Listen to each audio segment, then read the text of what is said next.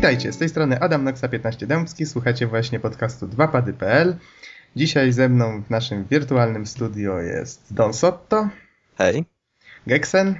Cześć wszystkim. No i w końcu nie, wielki nieobecny poprzednio Bizon. Witam. Dobrze, panowie, przejdźmy do rzeczy. Jest już późna godzina. Ostatnio mieliśmy double facepalm, znaczy mojego małego faila związanego z nagrywaniem podcastu. To nie twoja wina, wszystkie siły wszechświata sprzymierzyły się po to, by uniemożliwić nam nagranie podcastu. Tylko po to, żeby mógł zamieścić Patricka Stewarta na głównej dwóch padów. Wiem, to tak zawsze działa.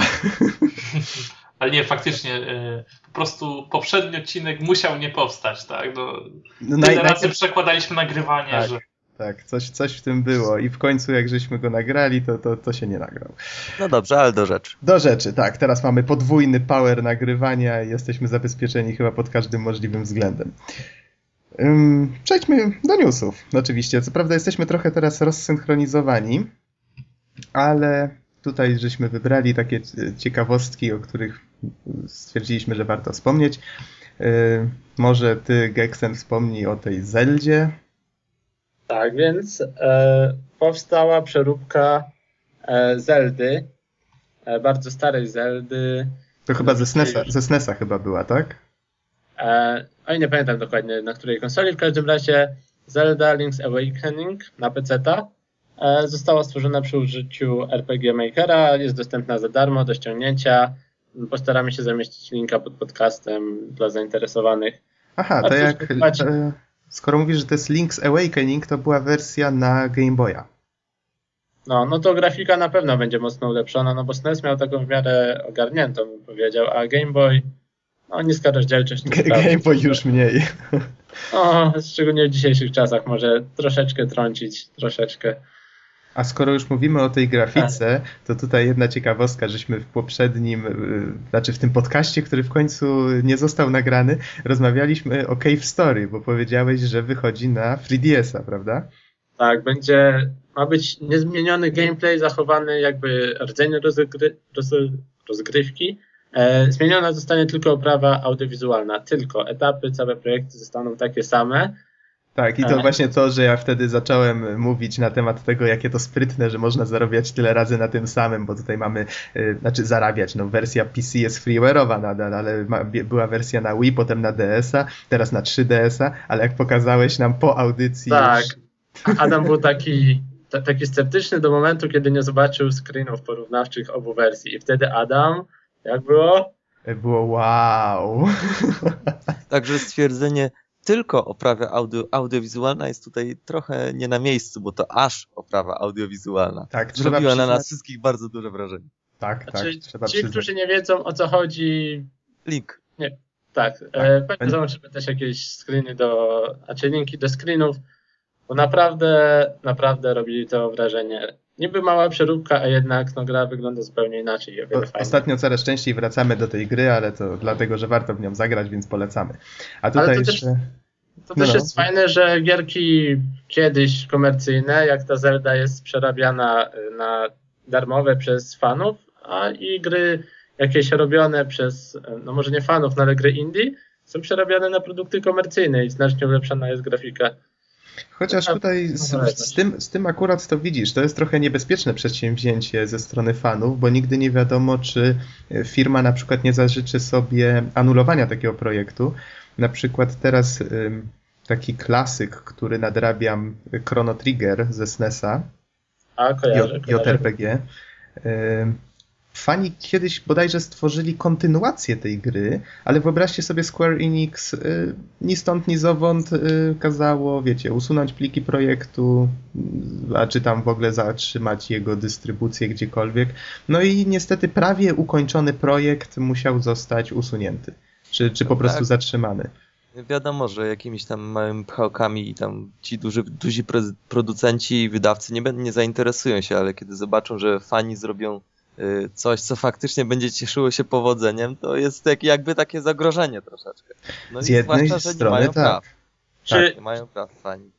dzisiaj mam wrażenie, że to zmieniła się trochę polityka wobec takich e, właśnie twórców, bo o, ostatnio było głośno o twórcy World of StarCraft, tego moda do StarCrafta, który tworzył właśnie MMO. E, I ostatecznie nie wiem, jak to się skończyło, ale w każdym razie najpierw było, że projekt ma być wstrzymany, nie to, że usunięty. E, No i zaprosili go w końcu na rozmowy do siebie, tam do firmy, więc. Yy, tak, tak to, Jak tak, to się, skończyło? tak to się skończyło, z tego co mi wiadomo, tłumaczyli, Blizzard tłumaczył się tym, że była to standardowa procedura y, związana z y, wykorzystaniem nazwy World of i tutaj jakaś ich marka, prawda? Bo tutaj tłumacząc o co dokładnie chodzi, w edytorze do StarCrafta można tworzyć różne rzeczy i Blizzard podkreśla, że bardzo wspiera swoich fanów i ich twórczość. Właśnie fani tworzą przeróżne rzeczy w tym edytorze. To prawie takie Little Big Planet 2, tylko że na PC w tej chwili. I ktoś stworzył wersję World of Warcraft, tylko StarCraftową. Tak, I właśnie ale, z tego się to wszystko zaczęło. Ale mając na myśli, jak to się skończyło, chodziło mi o to, nie wiem, czy oni ten projekt jakby wykupili od niego i go zatrudnili. nie, nie, Czy- oni go tylko y, zaprosili do siebie ponoć w ramach przeprosin. Czyli Aha. nie wiadomo nic więcej, chcieli go po prostu przeprosić za całą aferę, po prostu z tego co się orientuję, chyba nazwa projektu zostanie zmieniona, ale to nie jest nic pewnego. Mhm. Ale w każdym razie projekt będzie kontynuowany.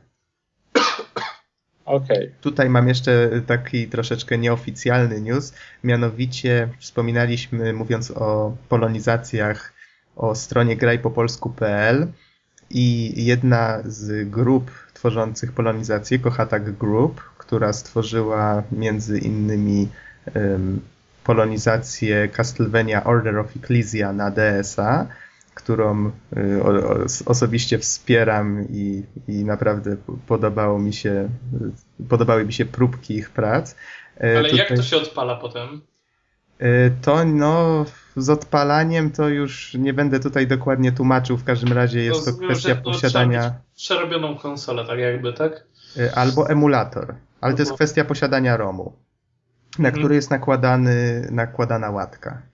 W każdym razie tutaj chciałem zaapelować, że jeżeli są chętni do pracy testera, znaczy pracy, w sensie fanowskiej pracy testera, chcieliby się przysłużyć do y, usprawnienia tego tłumaczenia, to zachęcam, ponoć ukazała się jakaś nowa wersja, która właśnie wymaga przetestowania.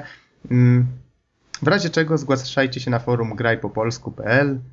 Tutaj taki mały apel. Dzwońcie już dziś. Tak, dzwońcie już dziś. Tak, a teraz może przejdziemy do edycji kolekcjonerskich, czyli naszego tematu dnia. Tak. I zaczniemy od bardzo nietypowej edycji kolekcjonerskiej, niedawno Mogę, ogłoszonej. mogę? Możesz, możesz. No, to ja dzisiaj, znaczy edycja była ogłoszona wcześniej, ale dzisiaj dostałem e, cudownego maila od Cenegi z pytaniem, czy masz jaja ze stali. E, oczywiście im od razu odpisałem, że jasne, tak. E, no i kupuję e, tę edycję kolekcjonerską Duke'a, która właśnie jest sygnowana mianem Balls of Steel. Ale E. to jak możesz mieć jaja ze stali, jak jeszcze nie dostałeś tego Pulse of Steel? Już nas. Jedno. To był taki joke.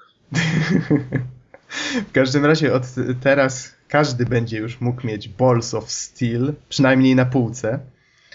A w Po- zestawie mamy Tak, po pierwsze talię kart ozdobioną motywami z gry, kości do gry, żetony do pokera, 100-stronicowy artbook w twardej oprawie, certyfikat autentyczności oczywiście, komiks, radioaktywną naklejkę, to dla mniejszych fanów Duke'a oraz duże metalowe pudełko.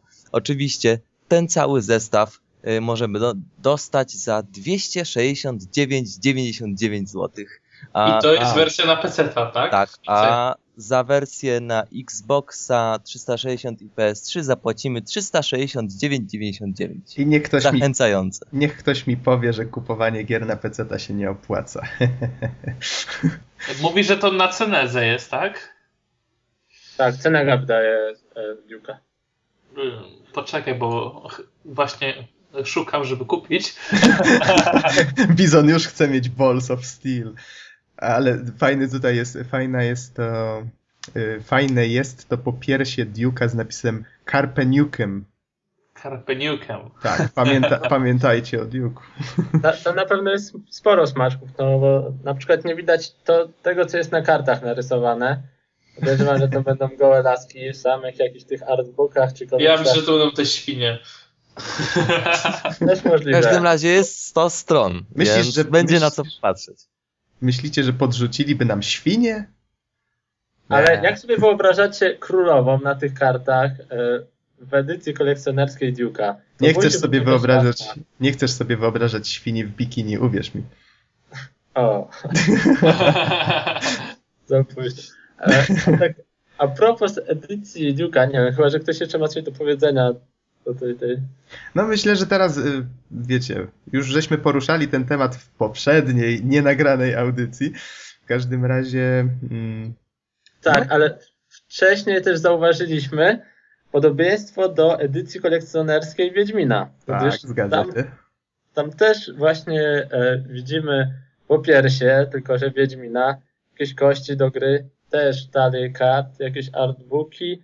E, tam były żetony do e, jakby do kasyna. Tutaj mamy jakąś monetę ze świata e, Wiedźmina właśnie. No jest sporo podobieństw, z czego no najbardziej rzuca się właśnie w oczy to po piersie, że tak samo jest. E, Znaczy tutaj w przypadku Wiedźmina to po piersie, nie wiem czy w ogóle powinno mieć taką nazwę, bo to jest bardziej głowa, prawda? W przypadku No. Duke'a to faktycznie wygląda jak po piersie. No, no, jeszcze faktycznie. jakie... Hmm, jakby to określić? Wspaniałe. Wspaniałe. Aż bije tą doskonałością od niego. Ale nie, w ogóle tych kart, kości i żetonów to ostatnio jest dużo w różnych edycjach kolekcjonerskich. To ze zeszłego roku na pewno możemy wymienić e, Fable'a trzeciego, e, możemy wymienić e, Fallouta New Vegas, też były żetony kości, z tego co pamiętam. I również e, Dead Rising w takiej limitowanej edycji, która się nie ukazała w Europie. Miał ca- właściwie cały zestaw do kasyna, czyli masę tam żetonów i Niech zgadnę, jakaś firma tutaj zbija niezły biznes na tym. Ktoś tam im wtyka ten, ej, ej, dołóżcie jeszcze karty, dołóżcie jeszcze karty. Być może. A właśnie, to jest dobre pytanie. Co tak naprawdę wydaje wam się najfajniejszym dodatkiem? Jeżeli wy chcielibyście kupić jakąś kolekcjonerkę, co byście chcieli, żeby się w niej znalazło? Jak gdybym miał kupić wersję kolekcjonerską gry, to przede wszystkim chciałbym mieć tam grę. To pierwsza rzecz. No tak. Druga rzecz, jaką bym chciał tam y, zobaczyć, to jakieś oryginalne i ciekawe motywy y, dotyczące gry. Może jakiś artbook, może ciekawe opakowanie gry i ewentualnie coś jeszcze. I to koniec. Dla mnie to jest wszystko. Najważniejszy jest pomysł oryginalny.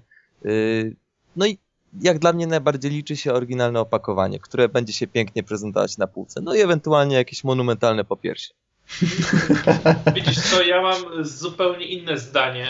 Dla mnie bardzo ważne jest, żeby mimo wszystko w tej edycji kolekcjonerskiej w środku znaleźć normalne pudełko z grom, a oprócz tego wolę mieć jakieś właśnie takie gadżety, których normalnie bym nie mógł w żaden sposób zdobyć, tak? I to jest dużo. Te... A z drugiej strony bardzo mnie denerwuje, jak mam na przykład jakieś pudełko, które odstaje od reszty na półce i Mhm. więc zupełnie w inną stronę patrzę. Właśnie tutaj fajnie, że jest po piersie, ale niech zostawią na przykład pudełko takie, jak powinno być normalnie, nie?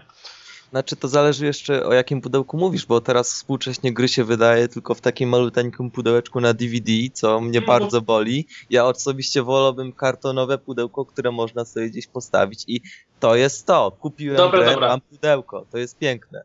Oj, uw- uwierz mi, nie, nie chciałbyś mieć tylu pudełek wielkości, znaczy nie chciałbyś mieć tylu gier co ja na półce i to każde większe dziesięciokrotnie.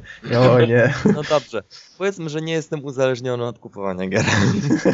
Słuchaj, słuchaj, pudełko pudełkiem, tak? y, Jeżeli chodzi o pudełko od samej edycji kolekcjonerskiej, na przykład dla przykładu mamy Fallouta trzeciego edycję kolekcjonerską, którą mam na półce. Mhm. Y, Całość była zapakowana w prześliczne y, jakby o, o, opakowanie takie śniadaniowe. Tak, pudeł, tak, Pudełeczko śniadaniowe. Ale w środku, mimo wszystko, znajdziemy również to zwykłe pudełko DVD z grom, które możemy sobie postawić przy reszcie gier. No tak, Mhm. to, to jest oczywiste, że i kartonowe, i to, i to zwyczajne. Tak, tak, tak. Pocieszę cię, że teraz to chyba w większości przypadków tak się robi, że pakuje się po prostu zwykły DVD box w jakieś osobne takie pudło, pudełko, w którym są faktycznie te inne gadżety. Nie. E, cho- Chociaż spotkałem się, spotkałem się z czymś takim. Wspominałem wam poprzednio o edycji kolekcjonerskiej Lords of Shadow, a konkretniej amerykańskiej wersji i całe pudełko wygląda jak księga, czyli jak zdejmie się taki, taki kawałek y, twardego plastiku, to wtedy faktycznie otwiera się to po prostu jak książkę, potem jest taki artbook, no, który troszeczkę słaby jest ze względu na to, że tam są głównie rendery, a nie szkice, a potem na przykład na stronie takiej twardszej tej książki są właśnie jest miejsce na płytę CD z muzyką i na płytę z grom. I to wszystko właśnie tak a propos takiego, jak można zrobić bez DVD boxu, ale żeby to wszystko było w jakimś takim ciekawym klimacie. Zwłaszcza, że w grze motyw y, faktycznie książki się powtarza, bo tam praktycznie cały gameplay i cała reszta jest traktowana jako ilustracja jakby w książce, jak się zapauzuje na przykład. Więc to takie fajne nawiązanie. No cóż, czyli omówiliśmy już sobie mniej więcej, co fajnego byłoby e, zobaczyć w środku, ale jestem pewien, że gdy, e, że jak mu, kiedy mówiłem wam to tydzień temu, to byliście troszeczkę zaskoczeni, teraz już nie będziecie, gdyż na przykład w edycji kolekcjonerskiej Modern Warfare znajdziemy działający noktowizor. Co Mam. jest, co jest e, działa? Działa dobrze? Działa, działa, działa dobrze. I co, chodzisz z nim do łazienki w nocy? Nie, ale kiedyś wkładałem RAM do komputera. Epic. To się nazywa operacje wojskowe. No. Tak. Oh yeah. Można grać w Modern was- Warfare z, wy, z wyciemnionym monitorem. Mhm. A propos operacji wojskowych, to na przykład do edycji kolekcjonerskiej Operation Flashpoint Dragon Rising e, był dodawany autentyczny e, taki hełm. No i do tego nieśmiertelnik, ale ten hełmik był faktycznie dobrze wykonany, no i nadawał się do noszenia, wykładany tam w środku odpowiednio. Czy ktoś sprawdzał, czy można wytrzymać w nim headshota? Y, Ja nie sprawdzałem, ale miałem go na głowie w sklepie. Tak? I powiem, powiem, że naprawdę fajnie wykonany i poza tym ta kolekcjonerka była wyjątkowo tania, bo chyba kosztowała raptem 160 zł z tym hełmem w wersji na PC-ta, Mhm. więc, więc zdecydowanie nie najgorzej. O, no zobacz. Poczucie bezpieczeństwa na ulicy najważniejsze. No, bezcenne. Bezcenne, tak. Za hełm zapłacisz kartą Mastercard. No, a, a do tego hełmu jeszcze tą, y, tę- tą maskę przeciwgazową. I noktowizor. To i- powiedz o tej masce przeciwgazowej. Tak, bo znowu do edycji kolekcjonerskiej Metro 2033 e, dodawali dodatkową maskę przeciwgazową z filtropochłaniaczem i specjalną 50-litrową jakąś tam e, torbą wojskową. To się nazywa dokładnie zasobnik żołnierski WZ. Tutaj mamy nawet dokładne modele, jak teraz patrzę na, na tą edycję. Mhm. No, nie- ma sensu zdradzać, bo chyba nikt z nas nie zna się na tyle dobrze na maskach przeciwgazowych. No, ja miałem jedną na sobie mm, w trakcie. y, Szkolenia na PO. Tak, do, tak, dokładnie. No, kto w, nie sumie, miał? w sumie, dopóki jakaś wojna nuklearna nam się nie zdarzy, to ja póki co podziękuję. No ale to, to, tak, z tych edycji chyba, że- Chyba, że po to, No. żeby założyć Duke'owi, to, to mogłoby ciekawie wyglądać. To po pierwsze. Lepiej Geraltowi. Albo Geraltowi. Dobra, panowie, przejdźmy do sedna. Kupujecie edycje kolekcjonerskie gier, czy raczej je omijacie? Tak, tak, wybierz mnie, tak, znaczy tak. No, Nox. Tak, mnie się zdarza. Ja mogę teraz tutaj spojrzę na półkę, półka spojrzy na mnie. I co, co ja tutaj mam na tej półce? No, mogę się pochwalić edycją Bioshocka pierwszego z figurką Big Daddy'ego. Tutaj wiąże się z nią ciekawa historia. Mianowicie sporo osób narzekało na to, że figurka dotarła do nich uszkodzona, ponieważ operator dźwigu, a przynajmniej taka jest plotka, y, upuścił kontener z tymi grami. I Senega, która mm, była dystrybutorem gry, no, wywiązała się z zadania. Yy, przysłali mi drugą figurkę, nawet na słowo wierząc, że ta pierwsza jest zepsuta i no cóż, tylko chwalić. Dlatego mam dwie figurki, z czego jedna jest z urwaną ręką, ale przynajmniej mam czym straszyć listonosza. Yy, poza tym już Fallout trójka, o którym wspomniałeś, w tym fajnym boksie y, z, z takim śniadaniowym. Przyznam się szczerze, nigdy kanapek w nim nie trzymałem, bo to uznałbym za herezję, ale fajnie się na półce prezentuje. No, bardzo fajnie. Taki klimatyczny bardzo, ten kuferek. E, Co ja tu jeszcze mam? Senega kiedyś wydawała takie edycje kolekcjonerskie, chyba pięć ich wypuścili, czy cztery. To były takie serie. Był Myst, którego właśnie mam. E, Takie czarne pudełko otwierane chyba z magnesów. Nie wiem, czy kojarzycie. Myst tak wyszedł, Splinter Cell, chyba Hitman i Prince of Persia. Ja Tak, właśnie było, było coś takiego. Mysta Tak, kupiłem i nie żałuję, bo to jest taka kompletna seria. Jeszcze muszę czwórkę i piątkę przejść, ale, ale bardzo, bardzo fajny taki zestaw. Ładnie też się to jest prezentuje. bardziej zestaw gier niż edycja kolekcjonerska. No, być może, chociaż wiesz, no też się nazywa, jeżeli się nie mylę, edycją kolekcjonerską, więc to, to ja ja bym jednak kwalifikował to pod edycję kolekcjonerską, bo to jednak jest takie ładne, ładne wydanie całej serii. To faktycznie jest, jest wiesz, takie podsumowanie z wisienką na torcie, prawda? Dobra, powiedz mi, czym się kierujesz y, w momencie, kiedy wybierasz grę i czy y, co decyduje zazwyczaj, czy kupujesz wersję zwykłą, czy kolekcjonerską? To jest bardzo fajne pytanie. Akurat kiedyś jeszcze jak było, y, był taki boom na te takie edycje kolekcjonerskie. Ja pamiętam, że to było w momencie, kiedy się chyba Stalker ukazywał w Polsce, albo nie, Heroes of Might and Magic 5. To wtedy pamiętam, że kupiłem, bo to było taki powrót do, her- do Heroesów. Y, przypomniała mi się trójka i faktycznie mam ten kuferek taki drewniany na, na półce. Y, Potem jeszcze był Stalker w tej fajnej puszce takiej po farbie. No tak, tak, do marketingowców przyjdziesz, zróbcie coś z tą puszką, byle było tanio, i ludzie to kupili, nie? I teraz jest jed- jedyna edycja kolekcjonerska, którą muszę otwierać podważając wieczko. Bo to jest, zwykła, to jest zwykła puszka od farby, ale w środku jest kawałek takiej rosyjskiej gazety z cyr- pisanej cyrylicą, jest jakiś tam, wiecie, fajny poradnik Stalkera, inne takie fajne rzeczy, tam nawet jakiś napój energetyczny był. Czy... Apka, koszulka i parę innych rzeczy. Tak, tak. Y, Mam też właśnie do Bioshocka dwójki i tutaj do meritum przechodząc, kupuję od tamtej pory, już doszedłem do takiego wniosku, tylko edycje kolekcjonerskie gier, z którymi jestem w jakiś sposób związany emocjonalnie albo y, no wiem, że znaczą dla mnie coś więcej. I faktycznie tego Bioshocka dwójkę już jak byłem zachwycony tą Bioshockiem jedynką, to już wiedziałem, że, że kupię na pewno tą kolekcjonerkę, bo to jest gra, która znaczy dla mnie coś, coś więcej. No i tutaj, jeżeli pozwolicie mi powiedzieć jeszcze na temat tej dwójeczki, to jest fajnie taka zapakowana mm, w taki y, kształt to pudełko ma jak płyta winylowa, ponieważ w środku jest soundtrack do jedynki właśnie na płycie winylowej, taka ciekawostka. Nigdy nie miałem okazji jej odtworzyć, co prawda, ale, ale ją mam i to jest fajne. Y, Na wierzchu jest taki symbol, którego kompletnie początkowo nie rozumiałem. To jest taki biały motyl z, y, z ułożony z odcisków rąk, dłoni, białą farbą. Tylko, że oczywiście pomniejszone to wszystko jest i to jest taką fluorescencyjną farbą, to w ten symbol jest tam wykorzystywany. I taki ciekawy element tego, o którym wam już wcześniej też wspominałem, tego zestawu, to są trzy plakaciki. Takie klimatyczne plakaty w klimatach Rapture i początkowo jakoś nie zachwyciły mnie szczególnie, ale po czasie okazało się, tam w internecie się dowiedziałem, że y, jeżeli podświetli się te plakaty ultrafioletem, nagle się okazuje, że na nich są jakieś napisy. Też tam związane z, z grą, czyli tam zostaniemy wyzwoleni, czy coś w tym rodzaju. Muszę przyznać, że to, to bardzo pomysłowe, pomysłowe podejście do tematu. Chociaż żałuję, że do zestawu do tego Big Daddy'ego nie dodali jednak tej figurki e, Big Sister. To by było really badass. O, Taki romantyczny zestawik na biurku. Tak, tak, dokładnie. I miałbym już podwójny, podwójne kombo do straszenia listonosza. No masz słabego tego listonosza. Teraz tu już zostawia wszystko w skrzynce i ucieka. Dobra, Bizonie, a powiedz w takim razie może, y, jakie ty kolekcjonerki kupujesz i czym się kierujesz? Wiesz co, u mnie to tak jest dziwnie. Ja, ja mam takie po prostu okresy w kupowaniu gier.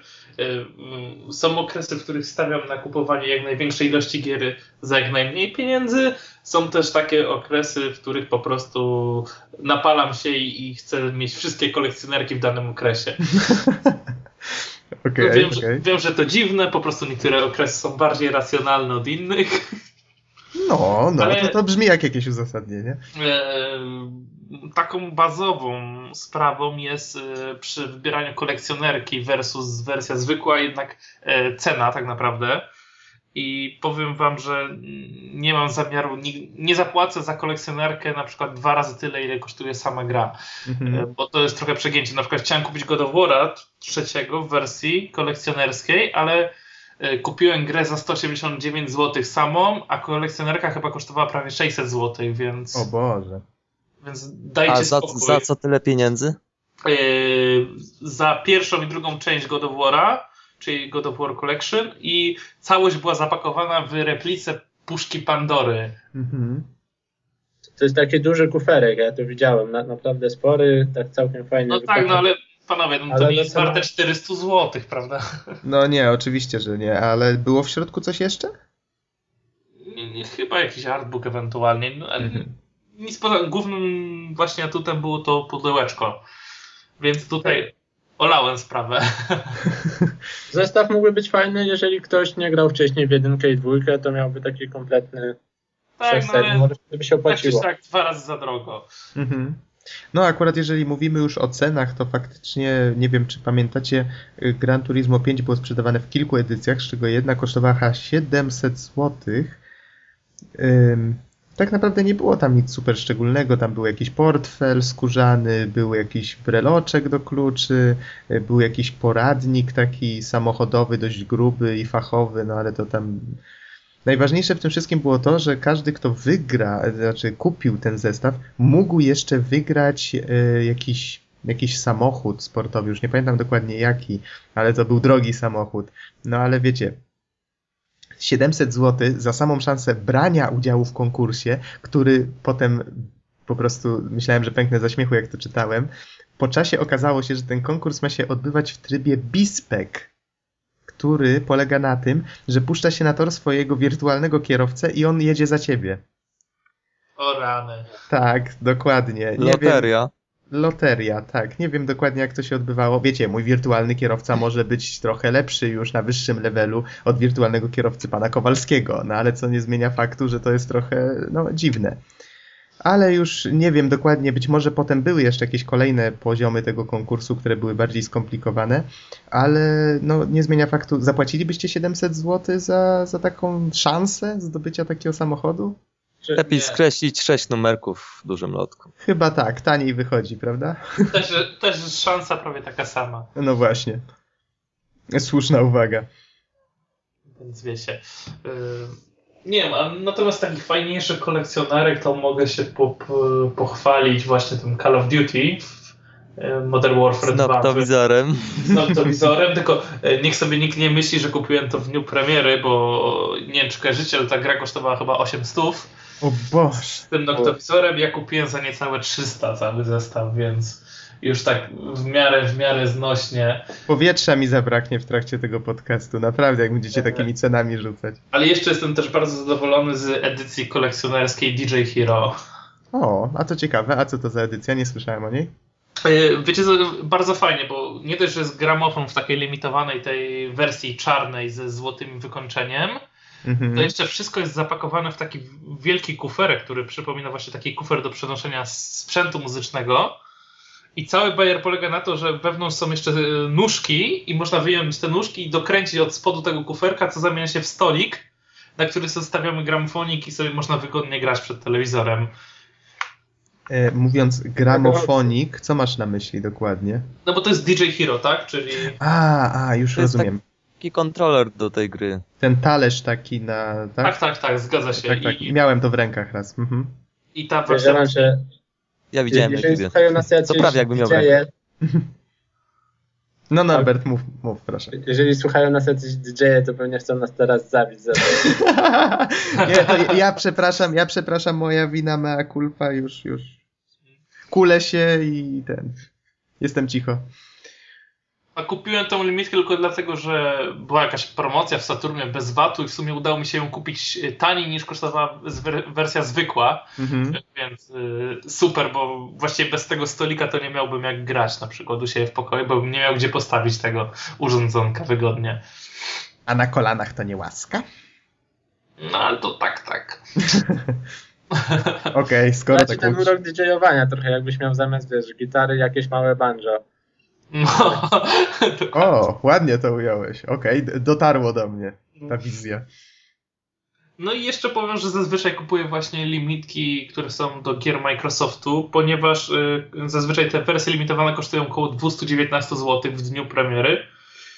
I jest to różnica zazwyczaj czterech dych względem wersji zwykłej i to naprawdę się opłaca, bo są naprawdę fajne rzeczy. Mhm. Mam z tego na przykład y, Alana Wake'a bardzo pięknej edycji, kolekcjonerskiej i Halo Reach. Super. No dobrze, tak mówimy troszeczkę o tych edycjach kolekcjonerskich, to i ja swoje kilka groszy wrzucę. Właściwie ja edycji kolekcjonerskich jako tako nie, kup, nie, nie kupuję, jeśli już kupowałem to lata temu. I y, tak tydzień temu już trochę rozmawialiśmy na ten temat e, i doszliśmy do wniosku, że tych edycji kolekcjonerskich jest coraz więcej i więcej i więcej. I tak, tak, naprawdę To, y, to troszeczkę sprzeciwia się temu, co ja pamiętam ze swoich młodszych lat. Kiedyś pamiętam, y, pamiętam, że edycja kolekcjonerska to była przede wszystkim reklama w czasopiśmie gry, wywalona na całą stronę. I oczywiście, co mi się tutaj kojarzy? Na przykład Diablo 2, czy Fallout Tactics, czyli wszystkie gry, dwie gry Fallout Tactics w jednym opakowaniu. I dla mnie to była edycja kolekcjonerska. Dwie bardzo dobre gry, y, plus jakiś dodatek do tego. I na przykład tutaj mamy Diablo 2, y, Fallout Tactics. Ja osobiście zakupiłem bardzo dawno temu Blair Witch, wszystkie trzy części w edycji limitowanej, O, proszę. ale nie miał to. Oczywiście pudełko ładniutkie, ale poza tym raczej nic. Ale to tylko 130 zł, więc. Mhm. Także, no cóż. Ja osobiście, y, jak już powiedziałem, z, ze swoich lat przeszłości pamiętam edy- edycje kolekcjonerskie jako zebranie do kupy kilku świetnych gier. I tyle. A, a nie na przykład wydawanie i wydawanie tam dla jakiejś pojedynczej gry iluś tam edycji kol- kolekcjonerskich i iluś wznowień z dodatkami, tak jak Duke. No jednak kiedyś posiadanie takiej edycji kolekcjonerskiej było czymś w rodzaju takiego... Elitar, to była elitarne. Tak, tak, już chciałem prosić, chciałem prosić, żebyście pomogli mi znaleźć słowo, tak właśnie, e, że taka elitarna to było takie wyróżnienie, prawda? W tej chwili już każda gra praktycznie ma, ma coś takiego, bo to po prostu z marketingowego punktu widzenia całkiem niezła decyzja. Wiadomo, że zawsze znajdzie się garstka osób, u których ten hype przeważy i które faktycznie chcą mieć na półce coś takiego wyjątkowego związanego z danym tytułem i to dlatego jest y, popularne, żeby wypuszczać coś takiego, bo zawsze jest to szansa lepszego zarobku. Mhm. Wiecie, w czym jest problem? No, Edycje nie, nie wiemy, ale na pewno zaraz nam powiesz. Edycje kolekcjonerskie z założenia powinny być bardzo limitowane. Natomiast e, w obecnym stadium rozwoju branży jest tak, że edycji kolekcjonerskiej egzemplarz jest wydawany dokładnie tyle mniej więcej i jak jest zapotrzebowanie na to, czyli nie ma takiego hypu, że muszę to złapać teraz, bo tak naprawdę to nie jest żaden problem, to nie jest żadna limitacja tego, tak? Dlatego tutaj zanika ten prestiż właśnie z posiadania elitarność. wersji, kolekcjonerskiej, bo każdy może ją kupić sobie. Tak, to też jest prawda, ale to też nie jest y, reguła, bo zauważ, na przykład jak przejdziesz się, czy kiedyś mogłeś się przejść do Mediamarktu i nagle widziałeś, że nawet miesiące po premierze miałeś mnóstwo niesprzedanych edycji kolekcjonerskich, na przykład Bioshocka albo Fallouta trójki. O, i tego jest mnóstwo. Fallouta trójki się. Tak. To jest chyba edycja kolekcjonerska, która się wala wszędzie nadal. Te, te, te pudełka śniadaniowe to można dostać chyba do dzisiaj, mam Za wrażenie. grosze, już naprawdę za 5 dych ostatnio widziałem. A one są bardzo fajne, więc No, niedługo się. będę miał na każdy dzień tygodnia na kanapki na uczelnię. Okej, okej. Ale zauważ, e, niektóre edycje kolekcjonerskie, właśnie te, o których, te, które są takie elitarne, mają swój numer. Ja przecież na przykład w, tym, w tej edycji Stalkera Cień Czarnobyla, w tej puszce, ona na spodzie denka ma napisany numerek. I z no tego to co pamiętam, Wizard Modern Warfare 2 też ma numerek, a to nie znaczy, że jest trudno to kupić. No wiesz, oni, y, znaczy wydawca to bodajże CD Projekt y, wtedy wypuszczał, oni obiecywali, że takich edycji wypuszczą tylko 1000 czy 999, już nie pamiętam dokładnie. No i ja wierząc im na słowo, wierzę, że tam ten mój trzycyfrowy numerek, który tam jest, faktycznie jest jednym z tego tysiąca, który ujrzał światło dzienne. No jasno, zdarzają się takie edycje. Chyba nowy Wiedźmin też jest bardzo limitowany, jeżeli chodzi o kolekcję. Z tego, co, z tego co pamiętam, tak, tak, miał jakiś tam, była konkretna, konkretna liczba i no Nie, mam czy nadzieję, 1000 że... czy 10 tysięcy? Chyba była dość spora, wbrew pozorom. Kilka tysięcy chyba. Wiedźmin dwójka też wiem, że edycja kolekcjonerska jest limitowana właśnie. Właśnie i, o tym mówimy. Ale to było o dwójce czy o jedynce? O dwójce, o dwójce, o dwójce. A, no i połowa już się podobno rozeszła w przedsprzedaży.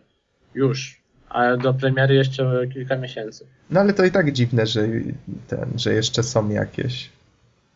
Ale No, być, być ja- może ludzie czekają po prostu.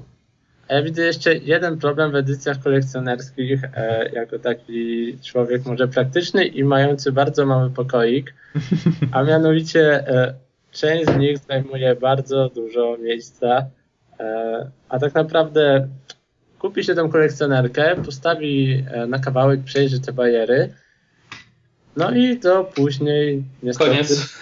tylko stoi, tak. O ile te gadżety są jakieś fajne, takie jak Noctowizor powiedzmy, które jeszcze tam kiedyś można użyć tak albo dla zabawy, albo dla czegoś, to takie jakieś kości, artbooki, te sprawy raczej no wyjmie się raz, popatrzy, fajne i tak z jednej strony e, fajnie byłoby to użyć, z drugiej strony aż żal używać, żeby się nie zniszczyło, bo Mhm. masz takie elitarne, nie wiem, przynajmniej ja mam tak. No ja też mam tak, mam masę takich rzeczy, na przykład pendrive z, Forcy 3 i w życiu go nie użyłem. Wiecie, tu, tutaj nasu, nasunęły mi się tutaj dwa, dwie rzeczy, dwie kwestie. Mianowicie pierwsza, y, dlaczego być może wiele osób nie kupiło tej edycji kolekcjonerskiej Wiedźmina? Ja pamiętam, też to rozważałem, ale tutaj mianowicie przyglądaliście się, ile będzie kontentu tej zawartości fajnej w zwykłej edycji?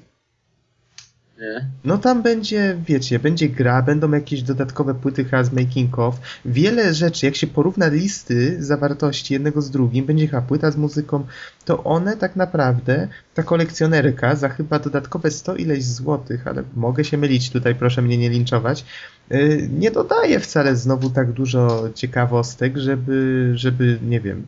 Ja osobiście jak to sobie na spokojnie przemyślałem, to stwierdziłem, że nie opłaca mi się wydawać tyle pieniędzy na te kilka dodatków. Tam chyba właśnie tą głowę Geralta jeszcze tam kilka rzeczy. Stwierdziłem po prostu, że i tak tyle ciekawostek, ile oni mi dadzą w tym pudełku normalnie kupionym w sklepie, to mi wystarczy osobiście. Coś podobnego CD Projekt zrobił już chyba kilka razy i to był strzał w stopę, mianowicie mam na półce normalną edycję gry Alone in the Dark, tej nowej, tej nowej i w niej jest artbook, w niej tam jeszcze chyba coś tam jeszcze było, a w każdym razie, no to wiecie, artbooka nie dodaje się do, do każdej gry, prawda, wydawanej w sklepie. Tymczasem edycja kolekcjonerska tam nie pamiętam już co miała w sobie, ale ludzie w większości jej nie kupili właśnie dlatego, że edycja podstawowa była no dość bogata, jak na zwykłą edycję normalną, a tymczasem była dużo tańsza. Więc to jest taki ciekawy problem. No tak, no jakby ile płacimy za to, co dostajemy dodatkowo. Tak, a druga wiadomo, rzecz... trzeba zawsze patrzeć trzeźwo. Tak, a druga rzecz, która mi się nasunęła właśnie a propos, e, jak mówiłeś, to e, artbooki, bo mówisz, że nie używamy właśnie często tych rzeczy, że znaczy nie używamy, że przyjrzymy się im, że docenimy, że one są takie fajne, a potem odłożymy je sobie na półce, niech sobie leżą. Tymczasem artbooki, ja mam na przykład tak, że nie lubię przeglądać artbooka przed ukończeniem gry. Z kolei jak ją już ukończę, no bo nie chcę sobie spoilować, a jak ją już ukończę, to czasami po prostu o tym artbooku zapominam. I mam wrażenie, że nadal mam tu gdzieś w tych kolekcjonerkach kilka artbooków do Bioshocka dwójki na przykład. Jestem pewien, że go nie przeglądałem. E, No, więc w sumie mo- może, ta, może ten podcast trochę tak mnie tutaj zmobilizuje, żeby w końcu zajrzeć do tych, do tych artbooków. No tak, no generalnie sporo jest tych takich bajerów, które są fajne, no ale jednak jeżeli ja mam tutaj mały pokoik, ciężko mi to wszystko zmieścić, już nawet zwykłe gry. E, I gdybym miał kupować kolekcjonerki, to już nawet nie mówię o cenie, e, ale też no, zajmują dużo miejsca i te bajery jednak często po prostu wyjmiemy, obejrzymy, no i zostają. Mhm. Więc te, też no, nie do wszystkich są one chyba kierowane. Ja podpiszę się tutaj pod twoim problemem, u mnie też zaczyna brakować zdecydowanie miejsca. Pozostaje pytanie, ile wy tego nakupiliście? No właśnie, panowie. No, no bez przesady, no po prostu gry mi się przestają mieścić. No ja też mam kilka gier. Sporo jak trafię na przykład na Giermasz, e, a w ogóle o Giermaszach to też można rozmawiać i rozmawiać, bo bardzo fajne zjawisko społeczne, bym to nawet tak nazwał. W każdym razie no nie wiem, ja lubię kupować na jakichś takich promocjach, gdzie mogę gierki taniej, wtedy kupię od razu kilka gier, no i teraz mi trochę tego zalega na tym, na podłodze obok mnie. W każdym razie, panowie, mo- może... Na podłodze. Już Tak, bo- ja mam taki specyficzny pokój na szafę, nie na razie ten. Nie ma Stół, ma, stół masz na ścianie, gry na, na podłodze. To jeszcze tutaj wspomnę, że istnieje taka strona edycjekolekcjonerskie.pl, to tutaj jakby ktoś był chętny popatrzeć chociaż na jakieś różne ciekawe edycje i czego tam twórcy nie wymyślili, to też mogą sobie tutaj Mhm. Tylko, że tam są tylko troszkę starsze edycje, ponieważ teraz chłopaki się przenieśli do serwisu Poligamia i piszą na jego łamach recenzje właśnie edycji kolekcjonerskich. Ale strona jest cały czas rozwijana? Nie, nie, nie, strona już nie jest aktualizowana. Aha, rozumiem. To tutaj trochę w takim razie stary, bo widzę grudzień, 1 grudzień 2010 jest chyba ostatni news. A nie, gru- ósmy, ósmy faktycznie. No ale w każdym razie tutaj jakieś archiwa zawsze można sobie przejrzeć Fajne są niektóre te mhm. kolekcjonerki. i po, poczytać recenzję, to, na pewno zamieścimy jeszcze linka pod podcastem. Tymczasem panowie, yy, powiedzcie, może podsumujmy już jakoś temat kolekcjonerek. Czy jeszcze chcecie jeszcze powiedzieć To znaczy tak, jeśli chodzi o kolekcjonerki, to tak jak już tu stwierdziliśmy, myślę, że najlepiej kupować edycje kolekcjonerskie gier, y, do których jesteśmy jakoś przywiązani, z którymi spędziliśmy wyjątkowo miłe chwile i nie przesadzać z konsumpcjonizmem. No Chwila, chwila. myślę, Jak chcesz kupować kolekcjonerkę gry, w którą już grałeś? To trochę bez sensu. Y, Znaczy wiesz co, ja ci powiem tak, ja na przykład y, co do Blair Witch, kolekcjonerka, którą kupiłem tak dawno temu, że jeszcze wtedy podejrzewam nie było za dużo gadżetów w środku. y, Ja do tej gry wracałem co jakiś czas. No i myślę, że był to za, zakup udany, bo jeśli ja osobiście byłem fanem i dalej jestem fanem tej całej serii, to myślę, że dobrze jest mieć jakieś y, bardzo fajnie prezentujące się na półko, y, na, na półce pudełko związane Mhm. oczywiście z grą. No, No ja jest to nie całkiem kupił drugi raz gry. Tak samo na przykład y, z chęcią kupiłbym sobie jakąś y, limitowaną edycję Dia- Diablo 2, dlatego że bardzo dużo czasu spędziłem z tą grą i mile sobie wspominam. Ja Tak. mam taką limitowaną z numerem. Tak, tylko tata oglądałem- wrzucił pudełko. oglądałem screeny ja- i jeśli im wierzyć, to faktycznie wszystkie są numerowane i mamy aż pięć cyferek, więc będzie Wow. tych więcej edycji niż W tysiąc. każdym razie ja się zgadzam y, z tym właśnie podejściem, że należy kupować kolekcjonerki przede wszystkim tych gier, które coś dla nas znaczą, y, coś więcej przede wszystkim, z którymi jesteśmy jakoś związani. Wiesz, no najłatwiej powiedzieć tak w przypadku jakiejś kontynuacji, na przykład ten Witcher 2, jeżeli ktoś faktycznie jest i fanem Geralta, prawda, bo czytał książki i grał w jedynkę i faktycznie ta dwójka jest dla niego y, jakimś spełnieniem fanowskich marzeń, to no, a zapowiada się na naprawdę dobrą grę, no to wiecie. To wtedy taka kolekcjonerka faktycznie jest czymś, co ozdobi pokój każdego fana, prawda? I może spojrzeć z dumą na półkę. No i o to w tym wszystkim chodzi. Ja na przykład mam taką kolekcjonerkę, którą kupiłem zupełnie po prostu dlatego, że była po promocji. yy, Jade Empire już jakiś czas temu i to jest właśnie przykład takiego, powiem wam szczerze, trochę smutno mi z tego powodu. Bo wydałem trochę pieniędzy, niepotrzebnie w sumie. W tej kolekcjonerce nic takiego specjalnego znowu nie było. Z grą w żaden sposób, no tak w ciemno ją trochę kupiłem, nie byłem y, szczególnie nią zachwycony. Y, Chyba w sumie w końcu jej nie skończyłem, może jeszcze kiedyś się do niej przekonam.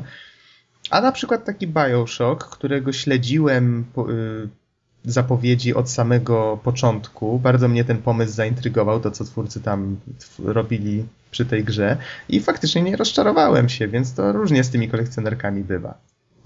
Y, Dlatego też ja w zasadzie pamiętam e, z dzieciństwa, że, znaczy nie wiem czy dobrze pamiętam, przepraszam jeśli się mylę, e, że właśnie edycje limitowane były wydawane jakiś czas po normalnej premierze i wtedy, kiedy się zazwyczaj okazywało się, że dana gra jest hitem. I- właśnie dlatego to jest y, jakby potwierdzeniem tego, tego cośmy z Noxem mówili, że jeśli ktoś naprawdę jest fanem tej gry, tak wielkim fanem, że naprawdę jest zdolny do jakichś tam troszeczkę większych poświęceń, jest z nią więc bardziej związany, to myślę, że jest w stanie sobie kupić ładne pudełeczko z jakimiś gadżetami z gry i, i być z tego zadowolonym.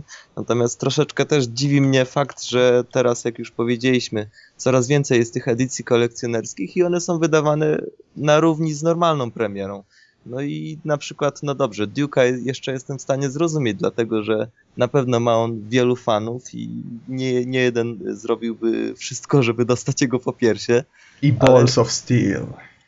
Y, ale wypuszczanie limitowanej edycji y, na równi z premierą y, edycji zwykłej zupełnie nowej gry jest troszeczkę nie na miejscu moim zdaniem, dlatego że no ja osobiście w życiu bym nie kupił w ciemno y, jakiejkolwiek edycji kolekcjonerskiej. Tylko Jeśli wiesz, kupuję już też... edycję kolekcjonerską, to tylko i wyłącznie dlatego, że z grą y, czy aplikacją spędziłem bardzo dużo czasu, jestem do niej przekonany i chciałbym powiedzmy mieć jakiś gadżet i jakieś ładne pudełeczko na półce. Czasami takie gadżety są też sprzedawane osobno, ale chciałbym tutaj zwrócić uwagę tylko na to, że e, to o czym mówisz, to często są reedycje. One być może czasem są wzbogacone jakimś gadżetem, ale no nie jestem pewien, czy one się kwalifikują do kolekcjonerek. To można, to, to jest też pewnie temat na jakieś takie dokładniejsze zbadanie. Trzeba by było zobaczyć właśnie o, o dokładnie o te przypadki, o których mówisz. Dobrze, panowie, czy Macie coś jeszcze do dodania o kolekcjonerkach, czy przechodzimy do następnego tematu? No to Cisza. już nie, pow, nie powstrzymuj się, Demon's Souls. Tak, nie powstrzymuję. Nareszcie, Demon's Souls. Nikt tu oprócz mnie nie grał w Demon's Souls, prawda? Ja oglądałem recenzję. Przepraszam bardzo. Tak, zgadza się. W takim razie do ciebie, Don Soto, jako do eksperta. E,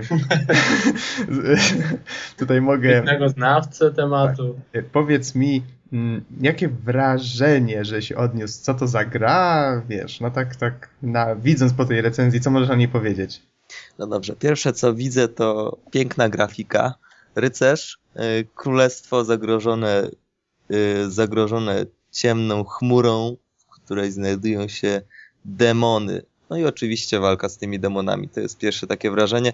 Fabuła, mm, no dobrze, nie jest może jakaś y, genialna, natomiast jest powiedzmy mm, oryginalna i w porządku. Nie przeszkadza mi też, nie, jest jakaś tam doskonała, ale jest w porządku. Yy, natomiast mamy oczywiście śmiałka i mamy nietypowy gameplay. To może bo... zaraz do gameplayu przejdziemy, to będziemy w takim razie, yy, będę się opierał na twoich obserwacjach w takim razie. No faktycznie, yy, gra jest czymś w rodzaju to tak jakbyście powiedzieli Japończykom, żeby spróbowali zrobić RPG nie japońskiego, nie finala, nie skośnookich, nic takiego. To ma być, czy tam olbrzymiookich mangowców, to ma być po prostu zachodni RPG. Oni by, na was, oni by na was dziwnie popatrzyli, ale by powiedzieli OK i zrobiliby Demon's Souls. Powiem wam szczerze, to gra faktycznie y, po pierwsze się ją odpala i można stworzyć własnego bohatera. To jest dość nietypowe jak na grę stworzoną w Japonii.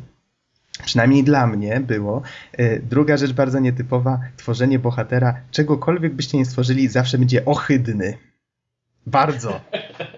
Więc w, nic, w, niczym nie przypomina tych pięknisi, ani nawet e, e tego edytora postaci z z bodajże Elder Scrolls chociażby. Simsów. Simsów, tak. Cokolwiek tutaj stworzycie, będziecie się cieszyć, że przez większość gry chodzicie w zbroi i w masce, i że, znaczy w hełmie i że wam nie musicie na niego patrzeć. Ja niedawno zdjąłem swój hełm i żałowałem, założyłem go z powrotem. Tak. Więc po, poza tym dobieramy klasę i ruszamy w bój.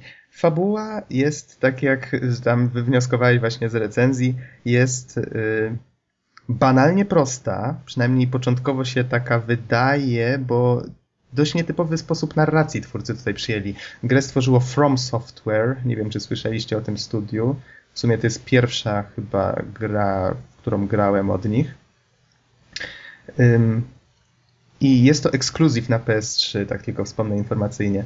W każdym razie fabuła opowiada o królestwie Boletarii, które zostało opanowane przez y, tajemniczą mgłę.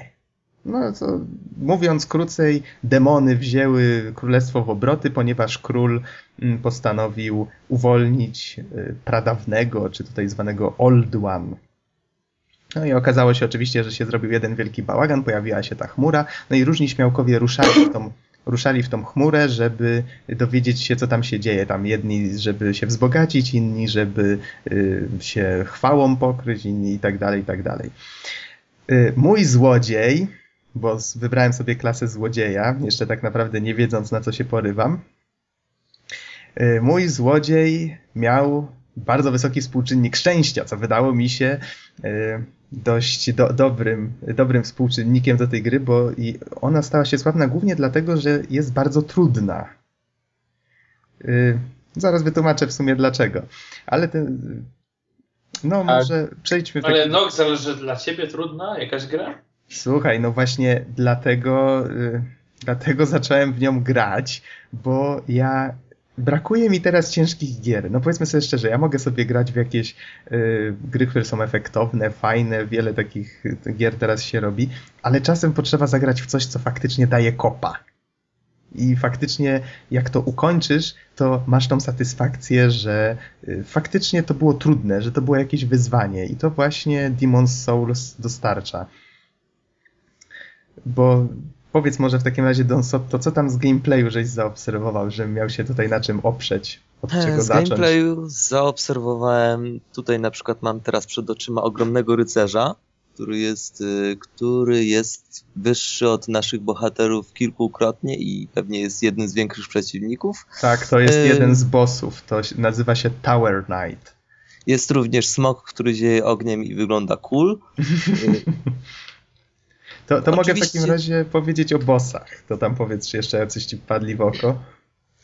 E, zwykli, zwykłe demony, jakich pełno w Diablo 2. Przykro mi, że mówię takimi starymi kategoriami.